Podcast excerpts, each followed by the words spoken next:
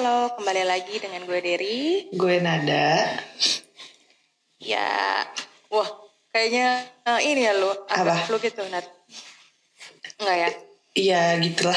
Ini musim-musim penyakitan jadi agak deg-degan ya. agak deg-degan. Iya sih. Kalau misalkan eh ternyata virus yang itu Nauzubillah jangan deh. Astagfirullahaladzim, jangan Tapi ya tapi begitulah lagi musim begini. Eh, iya sih, jadi eh, lagi musim hujan juga ya. Uh-uh. Dan kayaknya mulai, kalau di kantor gue sih kekebalan tubuh kayaknya udah mulai hmm, agak-agak turun gitu kan. Kalau di kantor gue tuh ada tracking juga. Gue rasa kayaknya semua kantor sekarang udah ada itu ya tracking. Oh, eh, pakai aplikasi itu ya? Enggak sih, kayak Oh, enggak. biasa aja, Oh, oke. seperti Google Form, tapi bukan di Google Form kalau di kantor. Ah, ya ya. Mm-mm, terus tracking aja misalnya keadaan lo hari ini eh, kesehatannya seperti apa orang di rumah terus Ah, eh, tracking lu tuh ketemu siapa hari ini dan eh, em, bepergian ke luar kota atau enggak hmm. nah terus kalau kata bos gue kan kalau gue kan eh, cimit-cimit lah ya nggak dapat Ya. akses untuk dapat data dapat data keseluruhannya. Eh, eh, eh, kalau ya data karyawannya lah ya Aha. kalau kata bos gue sih tapi eh, ini memang sekarang tuh lagi banyak yang sakit gitu Ah, teman-teman jangan lupa ya jaga kesehatan ya minum vitamin, banyak minum air putih.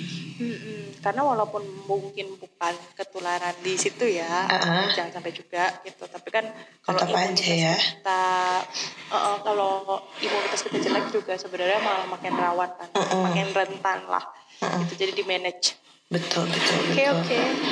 Jadi hari ini kita mau bahas apa nih kira-kira? Atau misalnya lu ada kayak object overthinking baru nggak? Eh, ini bukan objek overthinking baru tapi kayaknya Udah lama oh udah udah cukup lama kayaknya bersemayam. mm, bersamayam dalam diri gitu misalkan kayak gini nih lo lagi ngobrolin sesuatu gitu sama temen lo eh, via apa pun bisa via telepon via chat atau via eh, apa line call atau WhatsApp call gitu. Terus nanti tiba-tiba ketika lo buka aplikasi Instagram eh muncul tuh targeted ads-nya. Hmm, Nah, kadang tuh kita suka mikir gini, wah jangan-jangan kita disadap nih guys. Padahal siapa kita bisa disadap gitu kan. Padahal misalkan kayak lo cuman lagi ngomongin, eh pengen beli ini deh gitu. Tapi lo belum belum nge-search, cuman ngomong doang tuh. Hmm. Biasanya muncul, gue nggak ngerti. Kalau misalkan apa jangan, gue kadang suka mikir apa jangan-jangan ketika nelfon tanpa sadar gue nge-search tuh di internet misalkan. Kalau kayak gitu gue paham kenapa akhirnya muncul tuh targeted ads-nya. Tapi kadang nih suka tiba-tiba aja gitu muncul nggak ada nggak ada hujan nggak ada angin gue nggak nyari apa-apa eh muncul kan gue jadi curiga ya gitu apakah gitu Kah? Jangan-jangan bukan cuma direkam percakapan lu, jangan-jangan dibaca is- isi pikiran lo. Heeh, jangan-jangan chat gue dikolek sama dia dianalisis oh nih orang ngomongin apa kan gue nggak tahu ya Iya iya iya. iya. Gitu. Iya sih gue em, kalau misalnya gue sih emang semakin ini ya semakin dicari kan makin kenceng Muncul, ya. ads-nya Ah. gitu ya. Tapi kalau itu kan mungkin lebih masuk akal ya. Tapi kadang-kadang ada yang ini juga ya. Misalnya lu belum sempat search, Iya. baru ngomongin doang atau baru kepikiran gitu. Wah, terus tiba-tiba dia muncul kan takut ya gue kayak ah gimana gitu Kalau gue mungkin bukan uh, targeted ads gitu ya. Ah. Um, ini sih biasanya gue tuh kan orangnya curious banget. Jadi Heeh. Kalau mau cari tahu, misalnya kalau misalnya gue nggak tahu, gue biasanya langsung Google search. kan. Heeh. gitu jadi gue rasa mungkin Google search gue dalam sehari itu mau banyak kayak lah ya nggak sampai 100 sih tapi adalah gitu ya Heeh. mencapai eh, cukup banyak gitu nah jadi kadang-kadang tuh pas gue lagi baca misalnya gue lagi baca artikel apa terus Mhm. misalnya gue mau googling oh orang ini atau misalnya istilah ini atau segala macam Heeh. suggestionnya itu langsung kebukanya tuh di depan misalnya gue baru ketik eh, tiga huruf terus suggestion yang paling eh, relevan dengan apa yang baru gue baca gitu yang keluar gitu. Ah. Jadi apakah memang kesimpan kah eh, artikel yang gue baca atau enggak? Misalnya gue lagi baca artikelnya di Chrome gitu kan, Heeh. atau di browser lain gitu. Nah itu kayaknya dibaca ya dari iya. artikel apa sehingga eh, eh, sehingga tuh langsung eh, related suggestionnya tuh langsung ini banget relevan banget sama apa yang lagi gue konsumsi gitu dan itu kadang-kadang bikin parno juga sih ya. Iya. Tapi lu jadi parno juga nggak? Bisa jadi Hmm, apa ya apa? cemas banget gitu dengan Eh, observasi-observasi ini kalau gue cemas enggak sih kadang karena gue ngerasa gue bukan orang penting yang datanya eh, datanya akan sangat berguna gitu kalau dimanfaatkan orang lain ya walaupun data setiap individu pasti bisa dimanfaatkan jadi entah jadi yang baik atau jadi yang buruk ya. Cuman gue ngerasa ah anjing aing orang tuh bukan orang yang penting-penting amat gitu. Jadi nggak usah parno-parno banget lah cuman kadang jadi lelucon aja gitu loh. Kayak ya tadi gue ngetawain ah jangan-jangan orang disadap bin padahal siapa gue ngapain juga bin nyadap gitu. Terus nyadapnya via handphone yang sebenarnya kan beberapa perusahaan juga tidak memberi izin secara langsung supaya pihak ketiga bisa nyadap gitu kan. Harus mereka terus nanti datanya dikasih gitu dijual atau ada perjanjian apa gitu. Paling gue nggak bercandain gitu. Cuman ya kadang deg-degan aja gitu kayak eh karena nggak tahu itu buat apa ya datanya kayak eh ini tuh sebenarnya eh, data yang mereka pakai dari semua aktivitas gue di internet di handphone di laptop tuh buat buat apa sih? gitu. Gue tuh nggak tahu. Hmm. Ya, ya, ya, ya. Jadi eh, salah satunya yang bikin kita bingung tuh ininya ya. Maksudnya yang akhirnya bikin cemas karena gak jelas juga nih, gak transparan Mm-mm. juga nih sebenarnya data-data yang dikumpulin itu buat apa sih gitu. benar Kayak search history kita itu akhirnya nanti nyampainya ke siapa gitu. Terus juga nanti eh, digunakan untuk apa gitu. Iya. Apakah nanti menguntungkan kita atau menguntungkan pihak lain dan apakah nanti kalau misalnya nguntungin pihak lain apakah jadi kita yang rugi dan lain sebagainya Mm-mm. itu nggak kita nggak clear dan kita nggak ngerti mekanismenya Iya gitu betul. Paling dangkal tuh paling dangkal gue pasti mikirnya kayak ah ya udah datanya hanya untuk market research aja gitu kan. Dan eh, jadi kayak mengembangkan apa sih yang sebenarnya dibutuhkan pelanggannya gitu. Atau misalkan eh, data-data aduan gitu. Sebenarnya mereka kurangnya di mana sih? Orang tuh ngerasanya seperti apa? Paling kayak gitu kan. Tapi setelah itu gue nggak tahu tuh si data itu dikemanakan gitu. Apalagi kalau misalkan sekarang nih lo daftar-daftar tuh kadang suka ada yang pakai eh, ini foto bersama KTP. Jadi foto KTP lo terus lo foto lagi sama KTP gitu kan. Nah gue tuh sekarang nggak pernah mau misalkan nih kayak harus upgrade sesuatu supaya bisa jadi premium kan harus pakai KTP ya sekarang. Gue tuh sekarang mengurangi banget kalau misalkan gue tahu gue nggak butuh-butuh banget atau gue bisa cari alternatif lain yang gak harus foto bersama KTP gue nggak akan mau. Karena khawatir karena sering banget datanya kecurian kan setahu gue. Ada bridge-nya ya? Ya walaupun gue nggak tahu data yang dicuri apa gitu. Cuman kayak eh modal modal nomor handphone aja tuh kadang ngeganggu suka ada yang tau nggak sms sms togel sms sms kacamata canggih atau pinjaman Oh, online gitu tuh eh gue pernah canggih. kacamata canggih pernah kayak ya Iya kayaknya. Terus itu tuh berulang kali. Gue kan pakai provider yang merah itu ya. Terus setelah gue perhatikan, emang banyak yang protes kayak ini provider mahal banget punya negara, tapi kok SMS eh, spamnya banyak banget gitu. Gue tuh seminggu, misalkan gue kan jarang buka SMS ya, karena siapa juga yang Iya. pakai SMS zaman sekarang gitu. Tapi misalkan ketika gue ngerapihin handphone gitu, dalam seminggu aja tuh bisa 20-an kayaknya ada deh. 20 SMS berarti kan sehari tiga gitu loh. Itu kan mengganggu guys. Cuman dari cuman dari eh, lo kebobolan nomor HP lo eh, kecolongan entah tersebar di mana gitu. Nggak tahu kalau data lain yang kecolongan kan bahaya ya gan gitu. itu meskipun lo udah misalnya udah lu blok udah lu report nomornya tetap muncul terus ya SMS spamnya Eh, ganti nomor, isi SMS-nya sama. Isi SMS-nya tuh oh mirip-mirip gitu lah. Tapi Mm. eh, nomornya tuh bisa berganti terus. Nggak pernah ada nomor yang sama. Gitu. Karena eh, walaupun misalnya eh, udah kita report nomor satu itu udah kita identify tapi karena Mm-mm, emang karena dia menggunakan saat- nomor baru lagi. Iya, dan dasar nomor kita aja udah kecurian Mm-mm, gitu ya. Misalnya nomornya udah klik gitu, jadi Mm-mm. ya dengan deng- nomor baru itu mereka akan kirim lagi gitu, akan Iya, terus-terusan betul. kirim gitu ya. Mm-mm, mm-mm. Hmm, ya sih. Gue juga sebenarnya gue pakai provider yang beda gitu. Mm-mm. Gue pakai provider swasta warna biru. Mm-mm. SMS mom sih ada terus ya gitu. Hmm. Cuman eh, apa sih akhirnya gue eh, cukup rajin gitu untuk ngeblok report report report Mm-mm. report gitu. Nah, eh, makin lama sih gue ngerasanya em, semakin sedikit gitu. Tapi ya, ya balik lagi maksudnya ya itu butuh effort dan ya karena udah klik aja sih informasinya gue rasa Mm-mm. nanti bulan depan gue Ada lagi. lagi dan sebenarnya kan itu itu lagi juga ya Iya. Pin- apa pinjaman agunan togel kayak gitu Iya, gitu lah ya. Itu random abis ya. Atau SMS SMS promosi gitu kan. Kalau misalkan lo lagi jalan ke satu titik terus Iya, iya, iya. suka ada tuh dari eh, chain burger atau dari chain donat apa itu suka tiba-tiba ada Iya. muncul aja SMS kadang kalau lagi pengen beli berguna tuh kayak wow diskon 50% atau beli satu gratis satu gitu kan.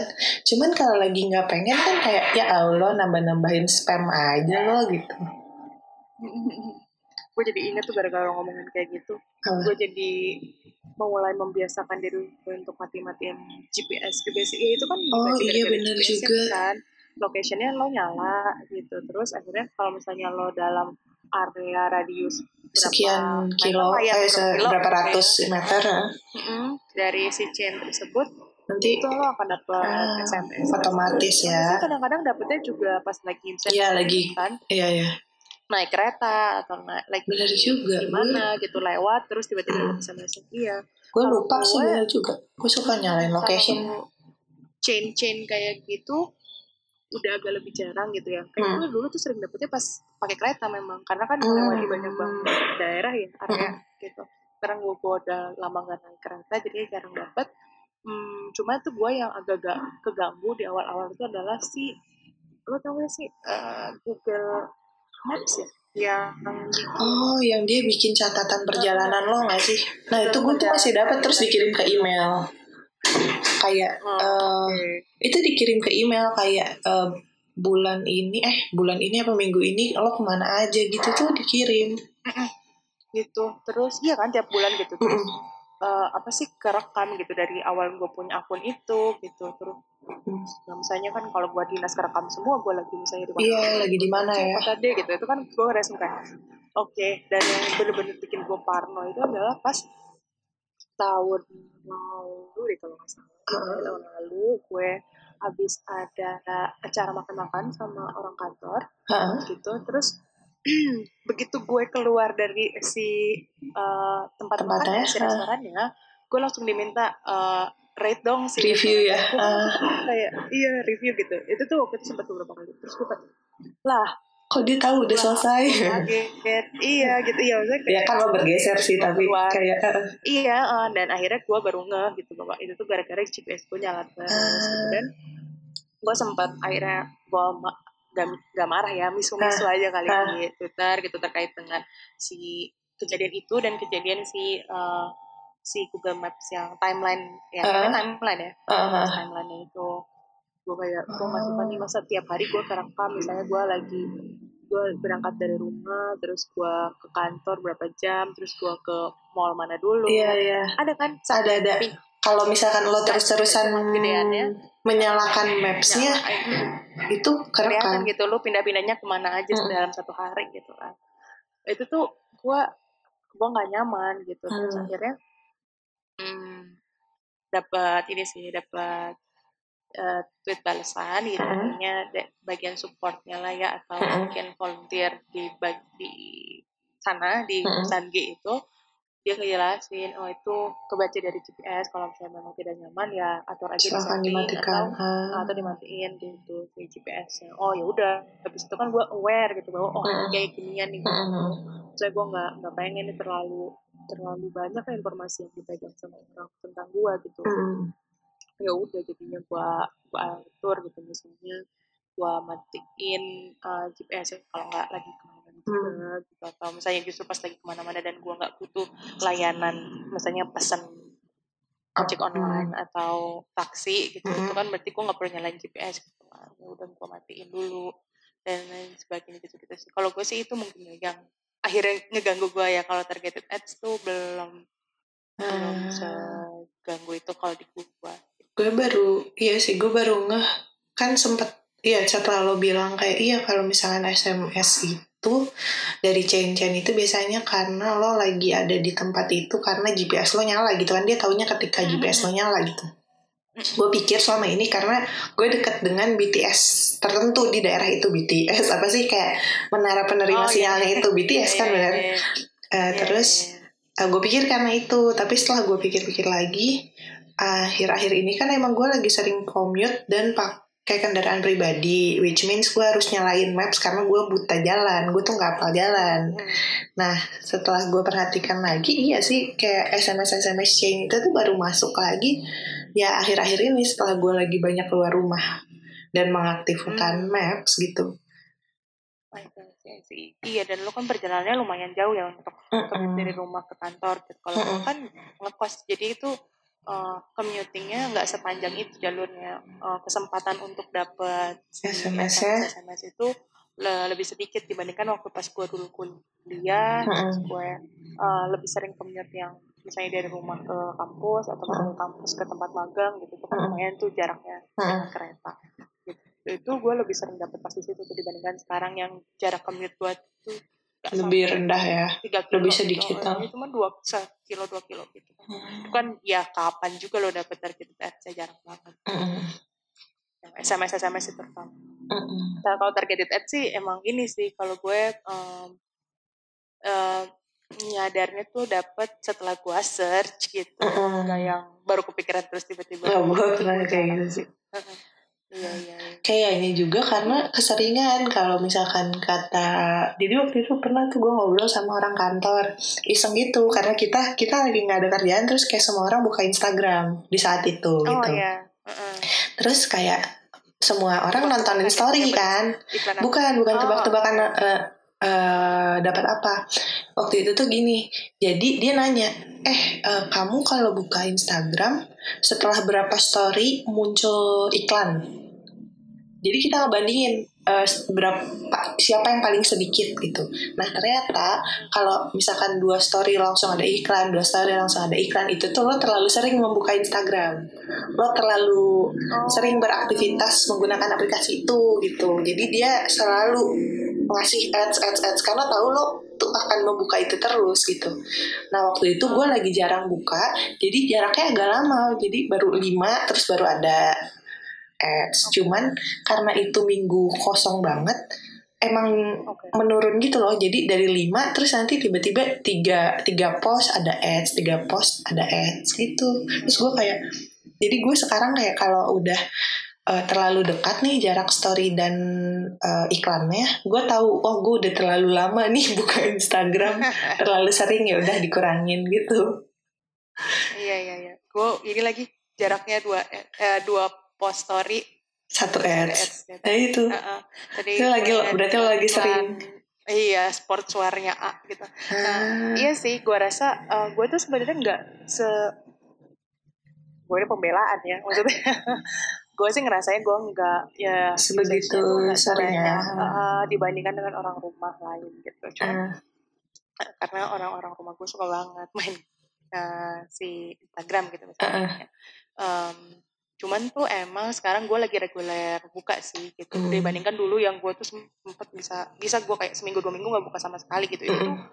bener eh, apa space antara si story dengan si uh, targeted ads tuh jauh lebih agak jauh kan? Panjang Ah, ah. agak jauh gitu. Gue nggak sesering itu dan itu tuh diperparah juga karena sekarang gue lagi kayaknya lagi em, sering juga buka marketplace gitu Ah, lagi rajin buka marketplace eh, ngisi-ngisi wishlist gitu kan. Jadi makin banyak ya. Ah.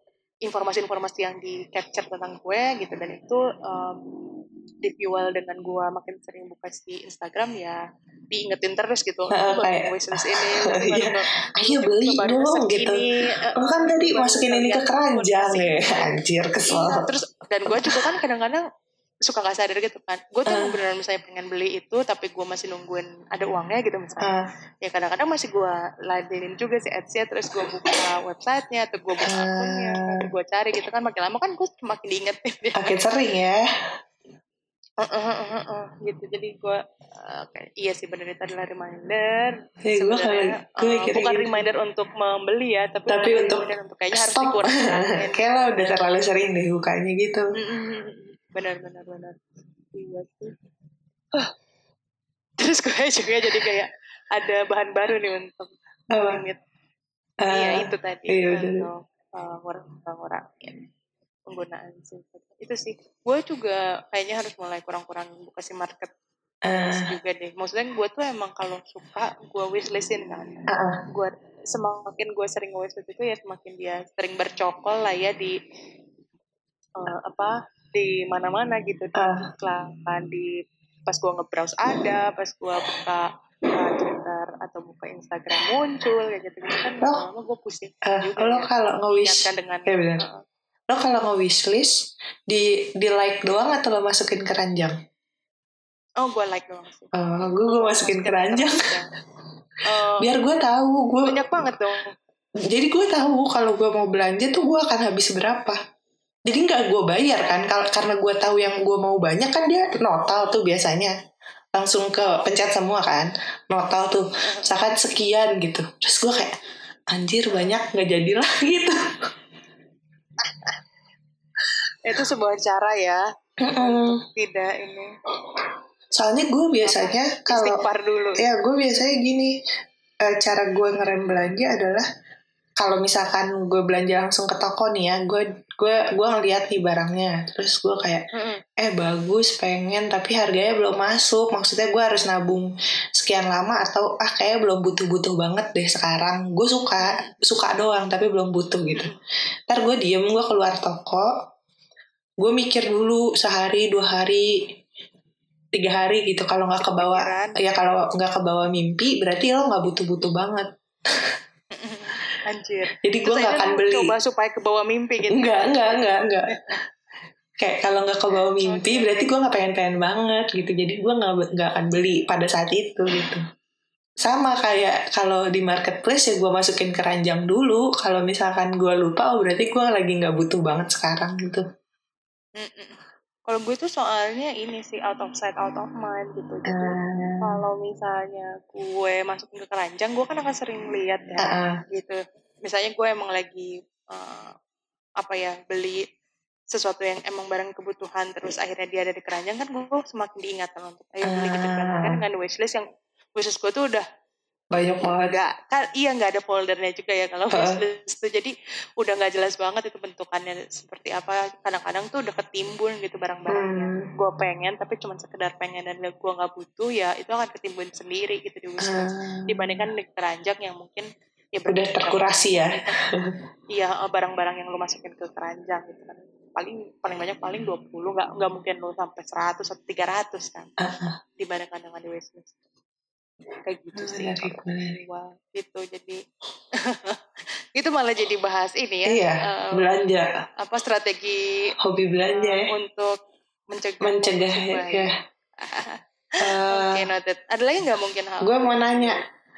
Uh, seingat gue, lo tuh adalah salah satu orang yang baru bikin akun Instagram tuh setelah kuliah setelah lulus oh, ya? ya? Lo agak lama seingat gue. Oh. Instagram tuh munculnya pas kelas 12 Atau enggak kelas 12 SMA SMA, SMA ya. kelas 11 apa kelas 12 gitu deh. 2000 berarti sekitar 2011 2012 gitu. Tapi itu hanya ada di platformnya Apple. iPhone. cuman bisa di iPhone atau iPod seingat gue iPod. terus menjelang lulus Iya kelas 12 berarti kelas 11 tuh udah ada Instagram. Kelas 12 itu baru masuk Android. Nah di situlah semua orang mulai membuat akun. Eh, wow akun gue udah cukup lama berarti ya. Oh, hmm. terus seingat gue lo adalah orang yang tidak punya akun Instagram. Lo bisa menahan diri untuk tidak membuat akun Instagram sampai akhirnya uh, di eh, setelah lulus ya baru bikin berarti setelah lulus kuliah bahkan apa yang menahan lo untuk kayak ah aing masih kurang masih belum butuh deh kayaknya gitu. Ya Allah baik. Iya kan? sebenarnya sih kalau gue pertimbangannya bukan bukan apa ya bukan kerahasiaan informasi apa segala macam sih. Mm-mm. kalau gue lebih ke waktu itu gue ngerasanya gue tuh emang gak bisa nge-handle si penggunaan sosmed gue gitu. Ah. jadi gue nahan dulu gitu. Jadi kan gue dulu tuh sempet gila banget ya penggunaan sosmednya. Pas SMP tuh gue suka banget main Friendster terus juga wah. pas SMA gue suka main Facebook gitu. Nah jadi gue tuh tahu gitu itu tuh gue em, kalau misalnya gue nggak kontrol itu tuh benar-benar makan eh, banyak waktu gue lah gitu misalnya Ah. perfecting eh, si eh, sosmed persona gue gitu Ah. makanya gue males gitu kalau misalnya ah ini berarti akan jadi si Facebook atau si em, apa namanya face- Friendster baru buat gue Ah. si Instagram gitu akhirnya kan gue kalau Twitter udah agak lebih lama ya gitu tuh gue eh, pakainya Twitter itu pun gue juga sebenarnya nggak sesering itu sih gitu Ah. Mungkin yang jatuhnya jadi sosmed ke gue itu adalah dulu tuh Line gitu. Tapi kan kalau Line kan terbatas juga ya. Oh iya dulu lain bisa eh masih bisa sih ngepost di apa ngepost. timeline gitu ya. Iya paling itu ya. Maksudnya uh, the very least gitu. tapi kan akhirnya setelah uh, masuk ke kantor ya makin sulit lah ya untuk menghindari uh, untuk nggak pakai IG gitu karena lu making friends juga salah satunya dari situ Ah, udah akhirnya gue pakai gitu tapi uh, setelah gue merasa gue udah udah cukup bisa ya bagaimana uh, Aduh. bagaimana caranya gue mengontrol penggunaan uh, Ah. sosial media gitu waktu itu gue belum sepintar itu lah ya pas gue kuliah untuk uh, mengerti uh, ini kan nanti datanya akan dipakai untuk Mhm. segala macam segala macam kayak bukan gitu. bukan kekhawatiran itu ya tapi lebih Oh, karena time oh. managementnya ada iya gitu gue ngerasanya gue um, lebih fokus kalau misalnya uh, sosmed gue nggak terlalu banyak makanya gue juga nggak main pes hmm. gue banyak banget sih gue uh, main akhirnya gue deh kehilangan momen uh, gitu terus hmm, apalagi sih dulu yang rame Blur. kalau blur kan waktu Lo main nggak? SMP. eh SMP ngerti itu cara ya mainnya gimana Ah. iya gue cuman punya aja akunnya gitu ada beberapa juga sih kayaknya yang gue uh, nggak ikutin MySpace MySpace Just thing. MySpace agak tua dong itu kan bahkan sebelum zaman Friendster Iya, sebelum. Friendster. Iya makanya. Em, tapi seingat gue sih uh, two biggest thingnya itu ya si Path sama si uh, Instagram Hmm. itu lebih karena itunya sih. oh ada deh satu Uh, lagi? Snapchat Oh gue punya itu. Gue Itu tapi udah agak lama. gue punya sempet punya terus mau. gue delete deh kayaknya akunnya apa gue tinggalin aja pokoknya gue nggak bisa nggak bisa gue pakai Snapchat. Aneh. Oh. Iya, nah mungkin kayak lu berbagi foto tapi via chat ya udah di lain aja. Kenapa harus punya aplikasi lain sih Eh, cuman tuh kayak karena dia hilang langsung hilang gitu. Hah, Itu kan oh iya sih bener. Heeh, jadi itu kayak cuman sehari. Jadi lu bisa berbagi silly things gitu loh. Itu tuh nggak kesimpan. Hmm. jadi kayak oversharing tuh nggak merasa bersalah ya Iya, overshare tuh karena nggak ada ininya, nggak ada persekusinya setelah kon- konsekuensinya nggak sebesar misalnya lu naruh post di Instagram gitu kan. Itu kan Ah. ya selama lu nggak delete ya itu akan ada selamanya lu Ah, bisa ya, lihat bener. gitu. Sementara kalau misalnya Snapchat itu kan kayak cuma Hilang, hilang, hilang ya. gitu. Ah, ya story lah ya kalau sekarang tuh Ah. jadi story.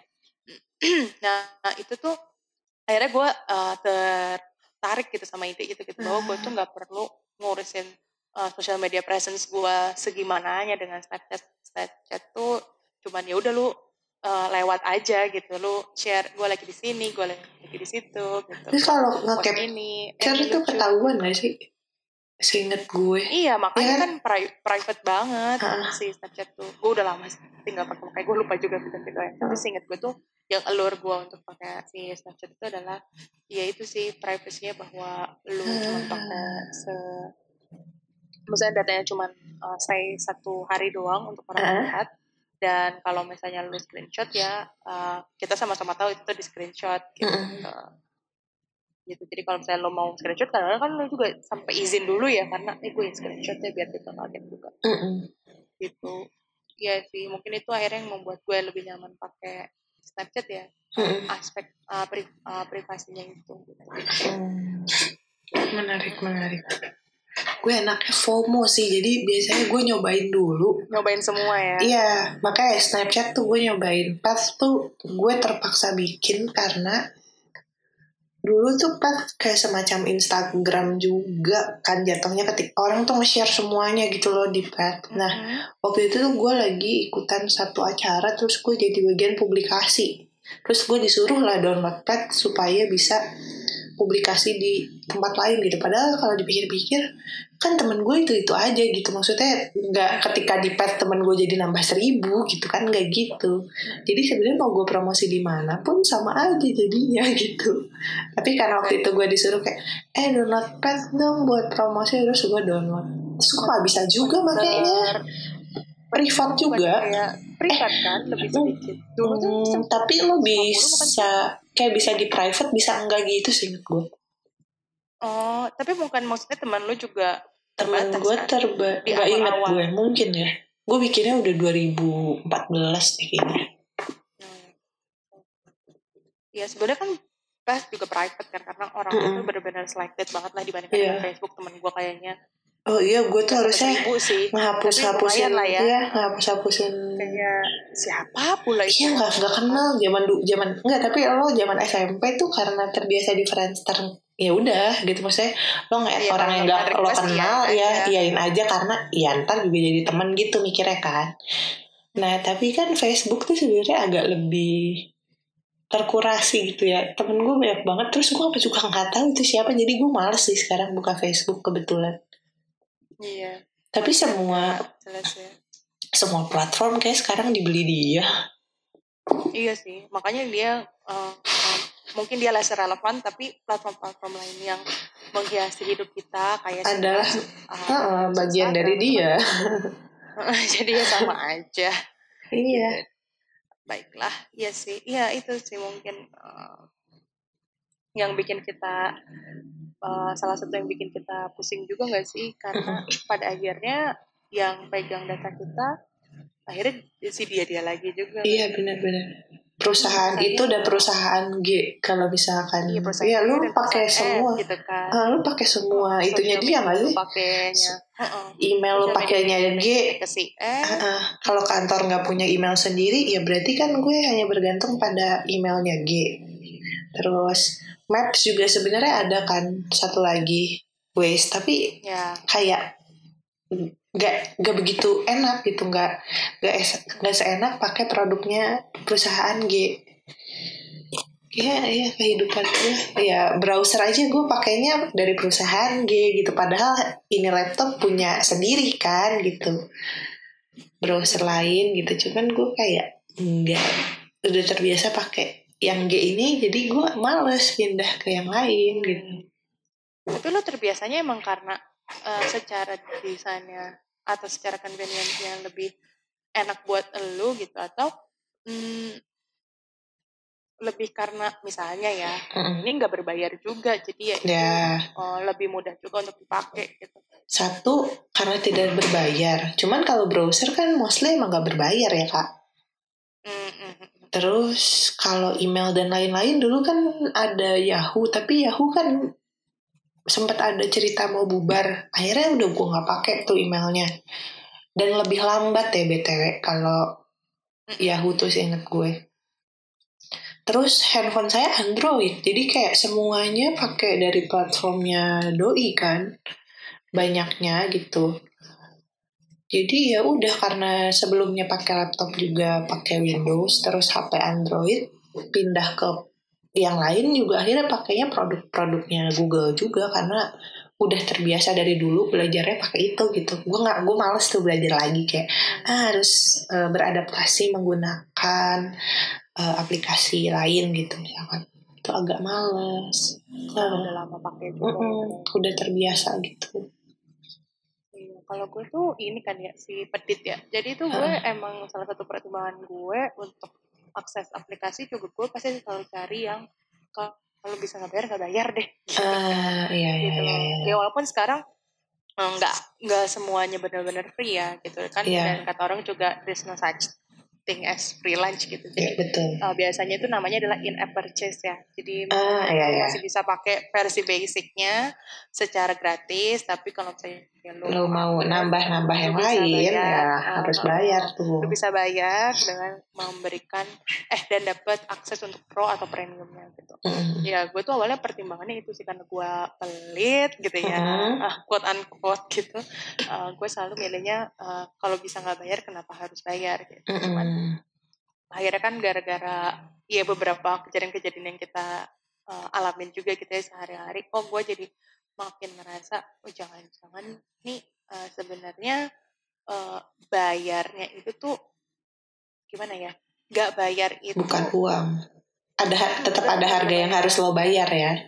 betul walaupun memang bukan secara uh, uang tadi ya uh, misalnya dalam subscription atau misalnya dalam uh, ya pembayaran apa pun lah ya modelnya gitu Mm-mm. jangan-jangan tuh sebenarnya ada hal lain juga nih yang gua kasih gitu tapi Mhm. memang bentuknya nggak selalu dalam bentuk uh, rupiah atau dolar gitu Mm-mm. ya mungkin ini juga kali ya lo uh, sempet baca-baca juga atau mungkin sempet nonton I don't know social dilemma atau segala Iya. macam bahwa akhirnya kan uh, kita jadinya nggak bayar dengan uang tapi ya tadi yang kita bahas ya kita bayar dengan informasi-informasi yang disedot nih dari apa pun yang kita lakukan aktivitas apa pun yang kita lakukan dari uh, sosial media ataupun aplikasi internet itu kan apa yang kita like apa yang kita wishlist apa yang kita masukin keranjang tadi Betul. apa yang kita search, yang kita cari, kita temenan sama siapa, Mm-mm. kita habis di lokasi mana, kita berapa lama menghabiskan waktu di uh, tempat A, B, dan C, itu kan Mm-mm. semua dipakai untuk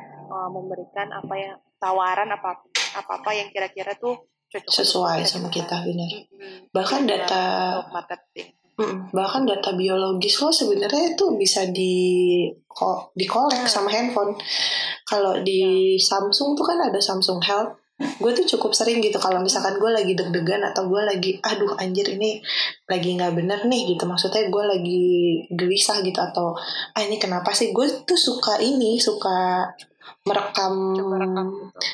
coba ini apa kan bisa ngecek apa tekanan bukan tekanan darah apa detak jantung lo berapa terus kayak tingkat stres lo berapa gitu. Itu kan kelihatan ya. Terus gue tuh suka menggunakan itu. Hmm.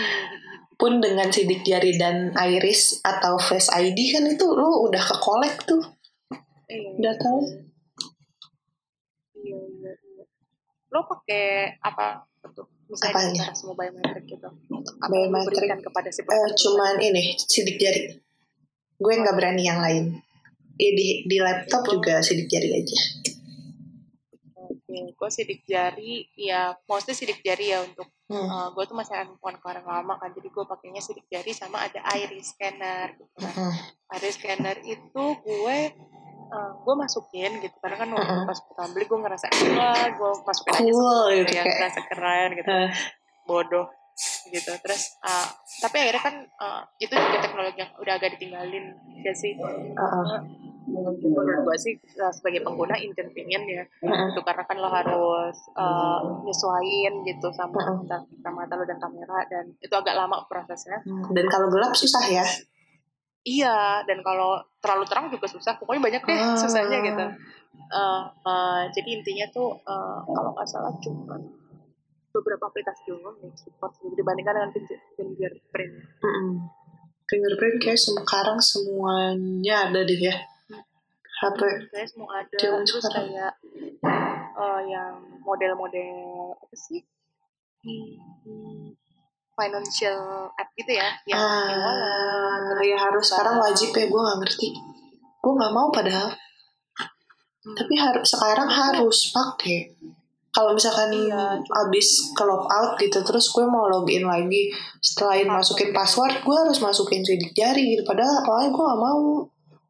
Hmm, Tapi kayak mau gak mau, jadi harus bisa. dia kalau misalnya emang tadi kan kita bahas tentang si pembobolan data gitu kalau misalnya memang sampai data lu bobol Mm-mm. ya itu untuk em, apa ya, lapis. Verifikasinya Itu ya. sidik jari verifikasi sidik jari kayak gitu sih Mungkin sih bisa.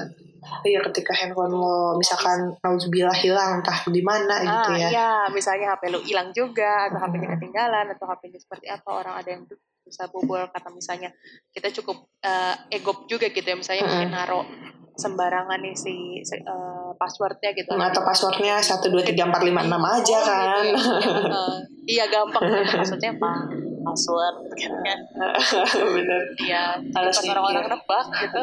Udah sekali Pas anak ini gitu. nebak, iya langsung bisa kebobol kan makanya. Mungkin pertimbangan untuk biometrik tuh itu juga sih. Ngejaganya cuman ya itu balik lagi ya kita kan udah udah kepalang gak percaya nih kita sebagai Hmm. orang yang uh, udah lebih skeptis ya sama Oh, sama satu lagi kalau data perbankan itu kan ditanya ya nama gadis ibu. Gue tuh baru ngeh Hmm, kayak karena ini lo tuh overshare everything gitu loh. Kadang tuh kayak gue melihat post eh, misalkan ibunya ulang tahun terus disebutin nama ibunya. Nah itu jangan ya guys, please jangan. Itu tuh data perbankan gampang banget dibobol udah kalau udah kayak gitu. oh, iya. Itu lapis terakhir ya. ini gak sih Nama nama gadis ibu dan Nama gadis tanggal lahirnya kan.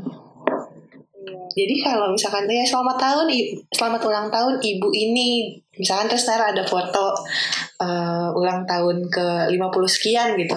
Di tanggal itu kan bisa dikurangin aja gitu umurnya. Oh dia lahir di bulan ini, tanggal ini, tahun ini gitu. Namanya ini gitu. Lo sebutkan lengkap nama gadis ibu lo. Jangan. Jangan, jangan, jangan. Iya. Kalau tuh kalau misalnya follow ada selebgram Heeh. Gitu, dia tuh kan eh, eh, apa sih namanya? Namanya Jonathan N. Nah dia tuh suka ini, suka bikin inside joke-nya sama si Ah. followersnya ter soal itu gitu. Jadi misalnya eh, coba deh lo masukin, misalnya lo share deh eh, nama, eh, misalnya apa ya? eh, nama lengkap lo, nomor KTP, eh, nomor Ah. nama gadis ibu lo, terus nanti saya dapat giveaway apa gitu. ah iya, Pokoknya pernah sempat ada tuh yang kayak gitu ya. Iya, masih ada orang yang eh, ketipu-ketipu juga. Sebenarnya itu bentuk edukasi juga sih. bahwa Iya, benar. Ya lo tuh nggak boleh Jangan. ngasih, nggak boleh ngasih informasi-informasi tersebut meskipun eh, eh, dengan imbalan apa pun gitu. Mm-mm. Gitu dengan imbalannya give, giveaway atau mungkin lo misalnya mau deketin cewek atau misalnya apa segala macam gitu gitu. Nah itu tuh informasi-informasi yang kayak gitu tuh harusnya kita lebih sadar gitu. Iya benar. Itu tuh nggak boleh dibagi gitu. pernah Iya. tuh kejadian jadi waktu itu hmm, kantor gue menggunakan bank X untuk pembayaran gaji gitu ya Mm-mm. Eh, nah terus satu saat gue lupa kita tuh lagi ngurusin apa deh kayaknya perpindahan dari satu bank ke bank lain kalau nggak salah ya gue Hmm. lupa jadi emang di awal tuh ada dua bank yang digunakan tapi akhirnya kantor memutuskan untuk ya udahlah satu bank aja gitu akhirnya pembayaran full di satu bank itu terus kayak ada perpindahan dari satu bank X ke bank Y gitu nah sempat ada WhatsApp dari orang banknya karena perpindahan ini gitu eh, yang meminta eh, data pribadi kita yang harus diisi. Nah, salah satu kolomnya adalah nama nama gadis ibu kandung, Mm-mm. ya kan? Ibu kandung kan ya. Mau ibu lo udah nggak ada, pokoknya harus ibu kandung yang diminta tuh kalau di bank.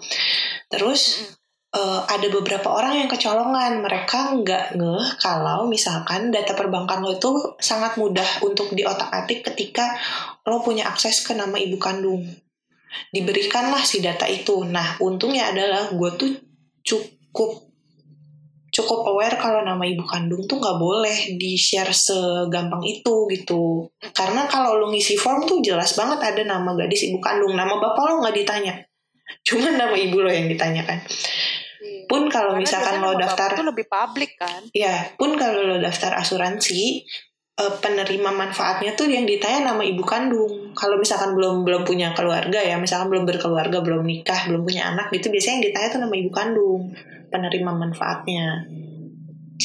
Nah, si beberapa orang di kantor gue nih nggak ngeh kalau misalkan itu ada minta nama ibu kandung. Jadilah ternyata mereka didaftarkan ke program kartu kredit ternyata Hmm. kan nyebelin ya gitu jadi ya itu dari situ gue belajar kalau jangan pernah nge-share apa pun tentang ibu gitu bukan karena nggak sayang sama ibu gitu cuman data Justru sebaliknya. nah karena lo sayang sama ibu lo lo sayang sama keluarga lo lo sayang sama diri lo sendiri gitu jangan pernah menuliskan tanggal lahir ibu lengkap dengan nama lengkapnya jangan pokoknya jangan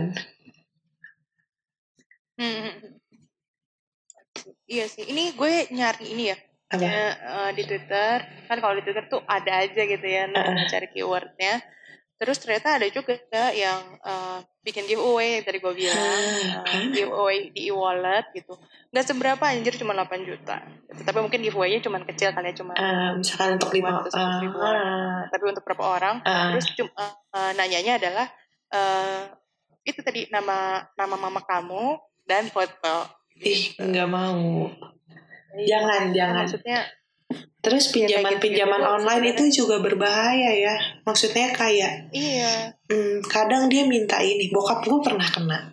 Jadi di salah satu karyawannya tuh kayaknya ikutan pinjaman online itu. Cukup banyak kan ya sekarang Oh. platformnya itu salah satu yang diminta tuh kalau nggak salah kayak semacam penanggung jawabnya gitu ya kontak ya oh kontak. penanggung jawab. Oke. Gue lupa deh pokoknya akhirnya bokap gue yang ditagihin sama orang pinjaman online itu. Itu sebenarnya kayak debt collector kayak rentenir tapi versi internet aja gitu. Karena itu bunganya gi- satu bunganya gila-gilaan.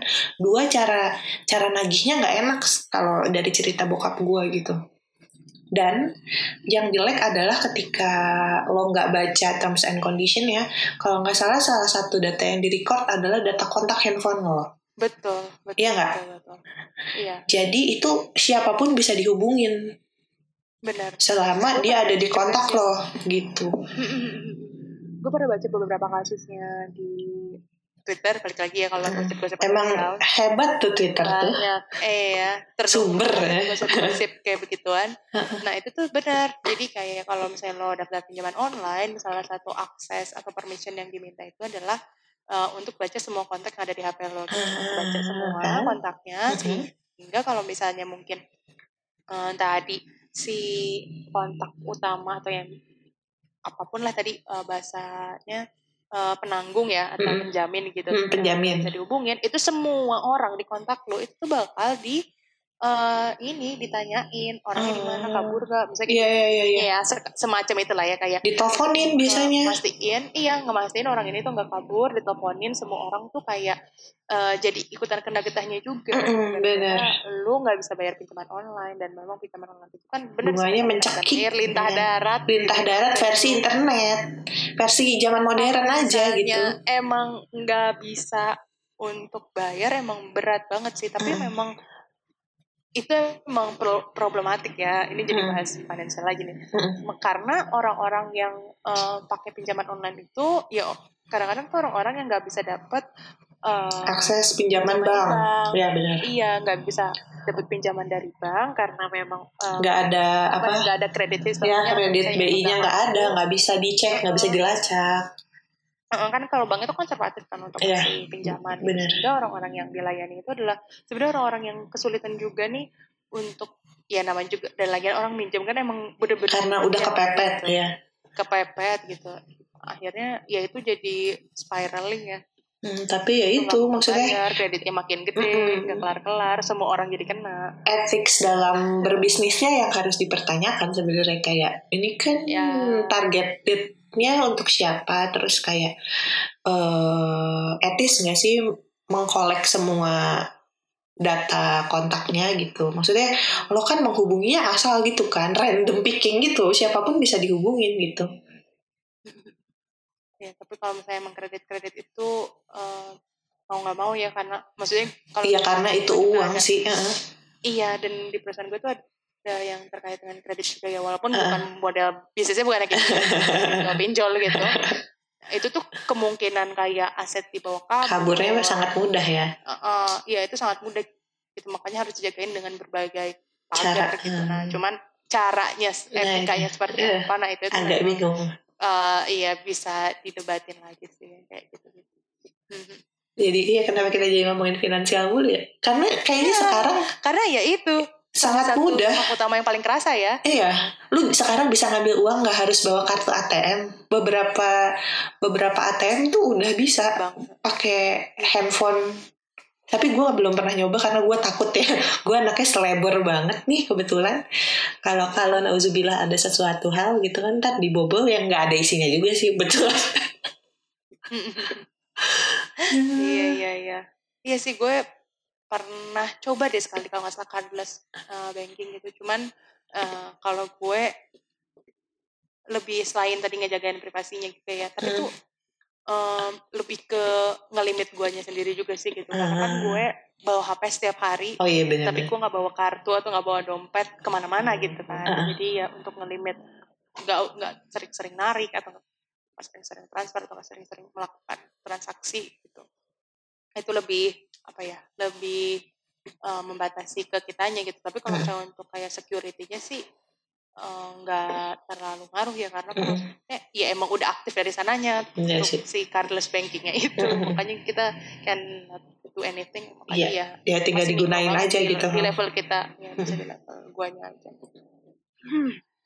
Sulit ya memang mm -hmm. semua yang gratisan itu mm -hmm. tidak benar-benar gratis ada harga tetap ada harga yang harus dibayar guys tidak ada yang gratis di dunia ini Kecuali cinta ibu, iya. Wow. Dan akhirnya semua datanya dikolek. Iya. Bukan data mining ya. Hmm. Gitu semuanya disimpan-simpan. Ya walaupun tadi kayak kata lo ya eh, data kita sebagai individu, sebagai kroco-kroco dengan income stream yang enggak seberapa ya nggak ada artinya kalau dilihat secara satu secara, orang gitu ya. ya. Kalau misalnya dilihat secara global ya lebih banyak gitu kayak kebayang gak sih gitu apa yang bisa dilakukan dengan data sebesar itu apalagi sekarang jargonnya big data big data ya revolusi industri 4.0 gitu kan nggak tahu apa yang bisa dilakukan gitu. Karena lo uh, gimana ya yang punya akses ke datanya tuh cuma satu pihak gitu. Bahkan lo sebagai orang yang dimintai datanya juga udah nggak punya akses lagi kan setelah data itu masuk ke perusahaannya gitu Uh, bisa tapi kita berarti beli. beli dan harus ini harus pakai surat polisi biasanya. Gue pernah soalnya hmm. mau minta ya adalah satu kejadian akhirnya gue harus mengurus itu di ke polisi eh ke perusahaannya gitu. Gue mau minta uh, data apa ya? data telepon salah satu nomor gitu nggak bisa walaupun misalkan kayak gue orang terdekatnya nggak bisa gitu tetap harus minta surat dari polisi Hmm. gitu dan itu kan berarti prosesnya cukup lama gitu ketika lo memberikan itu dengan sangat mudah tapi ketika lo mau mendapatkannya lagi itu susah banget gitu gue tuh jadi inget deh kayak apa uh, salah satu statement yang di doku drama yang lagi rame mm -hmm. yang kemarin pas bulan September si social dilemma gitu yeah. Hmm, terus dia bahas juga nih kayak ya, informasi-informasi yang dikumpulin itu kita jadi kayak um, punya terlalu banyak informasinya di perusahaan-perusahaannya itu. Dan itu tuh um, di proses ya dengan si machine learning, artificial intelligence dan segala macam gitu. Nah kita kan berpikir kayak ya udah kita akan uh, berusaha untuk menggunakan si data-data uh, ini dengan bijak. Benar hmm. gitu. Uh, bijak untuk kemanusiaan dan yeah. segala macam lah. Maksudnya kayak hal-hal uh, yang baik gitu ya kita nggak mau bunga-bunganya tuh banyak ya. Mungkin iya sebenarnya mungkin kayak apa ya niat-niatnya itu adalah uh, di awal gitu. Pesan tuh nggak nggak mau nipu juga atau misalnya nggak mau melakukan uh, ya nggak mau melakukan hal bukan ya bukan untuk hal yang awal, ya. negatif uh gitu. Uh -uh, tapi kan kan mereka tuh meng mengandalkan untuk si uh, pengolahannya itu kan tadi kan dengan si mesin itu dan mm-hmm. inteligensi yang artifisial itu dan lain sebagainya mereka ngolah sendiri tuh uh, si uh, apa ya si modelnya itu uh. si, uh, di feed data terus di feed data terus sehingga membuat satu model yang lebih uh, di reshape terus di uh. terus um, gimana ya dia belajar sendiri lama-lama iya dia kan dia belajar sendiri gitu dan lama-lama mungkin makin jauh dari tujuan aslinya yeah, mungkin bahkan yeah. si orang yang ngefit datanya itu aja jadi nggak sebenarnya kalau ditanya jeroannya itu seperti apa persisnya yang dilakukan sama si mesinnya mungkin tuh nggak nggak paham juga gitu loh uh. gitu karena kita nggak bisa benar-benar kontrol gitu kecuali maksudnya kita hybrid kali ya untuk processingnya gitu. tapi kalau misalnya kita benar-benar um, mengandalkan si mesinnya itu atau si inteligensinya itu mm-hmm. jangan-jangan makin jauh dari apa yang tujuan awal kita gitu. karena si mesinnya juga meng, ini kan sendiri. punya ya punya punya iya punya apa ya itu hal-hal punya bukan pola pikir apa ya kayak Iya, heeh. punya proses berpikirnya sendiri gitulah dia Iya, dia betul. tanpa harus kita dikte untuk melakukan ABC melalui coding dia udah bisa belajar sendiri kan akhirnya iya lama-lama apakah bisa dipertanggungjawabkan enggak tuh processingnya dan segala macam Mm. itu yang harus dilihatin. Terus sih maksudnya kita juga sebagai pengguna juga harusnya lebih banyak uh, bersuara juga nih kalau untuk transparansi transparansi itu. Jangan sampai kita um, jadi ah, sekedar jadi victim doang nih. Bukan user tapi use. Hmm, ya kita use ya jadinya beda-beda. Iya. lah Hah, sebuah topik yang sangat cukup berat. memusingkan ya di pagi hari. mungkin terakhir deh sebelum kita tutup. Seperti biasa, mungkin lo ada eh, apa ya eh, tips-tips untuk kita gimana sih caranya kita bisa menggunakan si internet, teknologi, Mm-mm. aplikasi dan lain sebagainya yang ada di hidup kita Mm-mm. dengan lebih eh, bijak bijak dan eh, sehat walafiat gitu ya. eh mau cara paling mudah eh cara mudah apa cara apa sih gue ngomong apa? Bentar, pikir dulu. Oh ini gue eh kalau ada yang suka nonton sci-fi tuh lo nonton Black Mirror. Ini yang salah satu yang nge-trigger gue dan teman-teman jadi sangat resah dengan penggunaan internet tuh yaitu nonton nonton Black Mirror. Yang judulnya ada di Entire History of You. Jadi itu eh, di situ diceritakan gimana ceritanya nanti akan ada satu alat yang bisa ngerekam. Terus itu tuh jadi semacam apa ya kontak lens gitu yang lo pasang di mata lo. Jadi itu semuanya tuh kerekam dan bisa lo ulang. Itu satu. Terus ada eh, di season berapa ya? Season 2 apa season 3 ya? Itu eh, judulnya ah bentar lupa gue. Bentar apa ya? Be Right Back gitu kalau nggak salah. Jadi Mm-mm. eh, itu lo menciptakan manusia. Jadi si orang ini ceritanya sudah meninggal. Terus mau dibuatkanlah cloningannya nah itu dari data-data yang dikolek itu data-data yang dikumpulkan. Nah itu gue kayak gue jadi mikir sih kayak anjir kurang sih nggak penting-penting amat. Cuman kalau misalkan teknologi ini beneran kejadian gitu kan karena gue yakin apa yang ada di film tuh bukan satu hal yang baru sebenarnya cuman belum dibuka ke publik Hmm. aja gitu. Itu tuh udah ada hal itu tuh udah ada. Gue selalu percaya kayak gitu. Kayak itu tuh udah ada. Cuman ya mungkin belum diberitahukan ke publik aja. Jadi karena nonton si episode ini Be Right Back itu gue mikir kayak ini data-data yang diambil dari gue kalau kalau nanti gue udah nggak ada terus gue satu saat gitu tiba-tiba ada orang yang kayak eh kita bikin cloningan orang-orang yang udah meninggal ya gitu. Gimana? Lu kebayang gak sih? Kayak halo lu tuh udah nggak ada gitu. Tapi lo dibikin lagi ada itu itu menyeramkan buat gue. Kayak eh, sama satu lagi eh, eh dua lagi berarti. Baca term and condition. Jangan Hmm, males. gue males sih soalnya.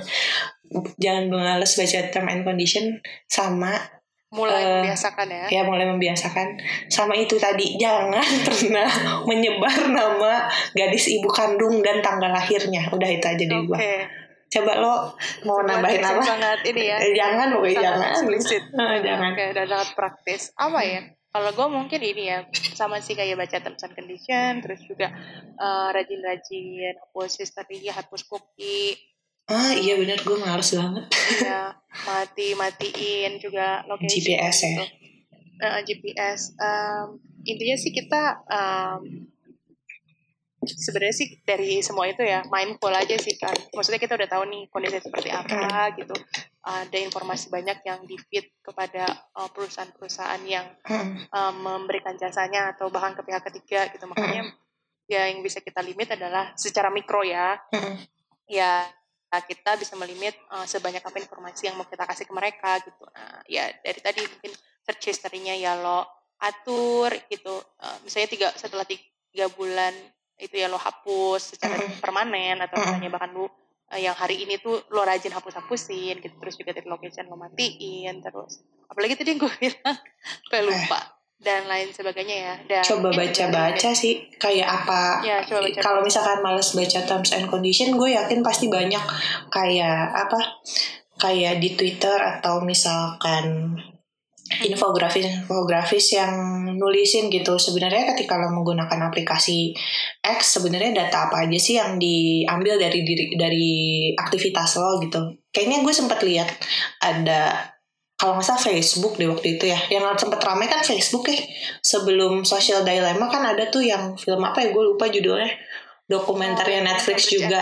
Ya ya itu kan setelah itu tuh seingat gue muncul ada satu satu infografis yang cukup lengkap. Jadi tuh sebenarnya data yang diambil dari lo tuh banyak banget tanpa lo sadari gitu. Dan itu bisa diolah jadi apa? Itu mungkin bisa dicari sih. Kalau lo males baca terms and condition gitu walaupun sebenarnya yang paling cari tahu ya. Ah, yang paling benar adalah membaca terms and condition karena itu kan sesuai dengan apa yang terjadi saat itu ya. Itu kan selalu diupdate setahu gue biasanya kan suka dikasih tahu tuh kayak ya ada update dari terms and condition kami. Jadi ketika lo menggunakan bla bla bla bla gitu. Dan iya benar. Eh, baca-baca. Karena ini kan bukan hal yang baru ya sebenarnya. Ya. Sebuah keresahan di pagi hari iya membuat resah. tapi gue nggak resah-resah amat sebenarnya gue nggak resah-resah amat cuman kayak eh, satu saat kalau misalkan ini jadi semakin canggih ya gue nggak tahu aja apa yang akan terjadi Oke, I see. Iya sih, gue rasa juga eh, tadi kan gue mau bilang juga terakhir mungkin limit juga nih konsumsi kita terhadap si aplikasi-aplikasi tersebut. Cuman eh, iya balik lagi maksudnya limit tuh eh, seberapa ini ya, maksudnya eh, seberapa dibatasinya gitu karena gue rasa juga nggak nggak mungkin ya kalau nggak pakai grid gitu ya, ya. Bener-bener iya bener-bener nggak nyambung sama sekali kayak gue kan pada akhirnya gue juga pakai gitu Hmm. sosial medianya atau dan lain sebagainya cuman ya ya be mindful lah saat kita menggunakan saat kita meng, ya memberikan informasi Mm-mm. uh, apa aja tuh yang harus kita kasih dan yang mana yang nggak perlu kita kasih ya benar tahu tahu mana yang eh, sangat rahasia bisa membedakan data mana yang sangat rahasia dan data mana yang oh ya udah nggak apa-apa ketika lo kasih kayak ini implikasinya nggak akan sebesar itu gitu berarti kalian Iya. kita oke sip. Kalau gitu sampai ketemu minggu depan. Dadah. Dadah dadah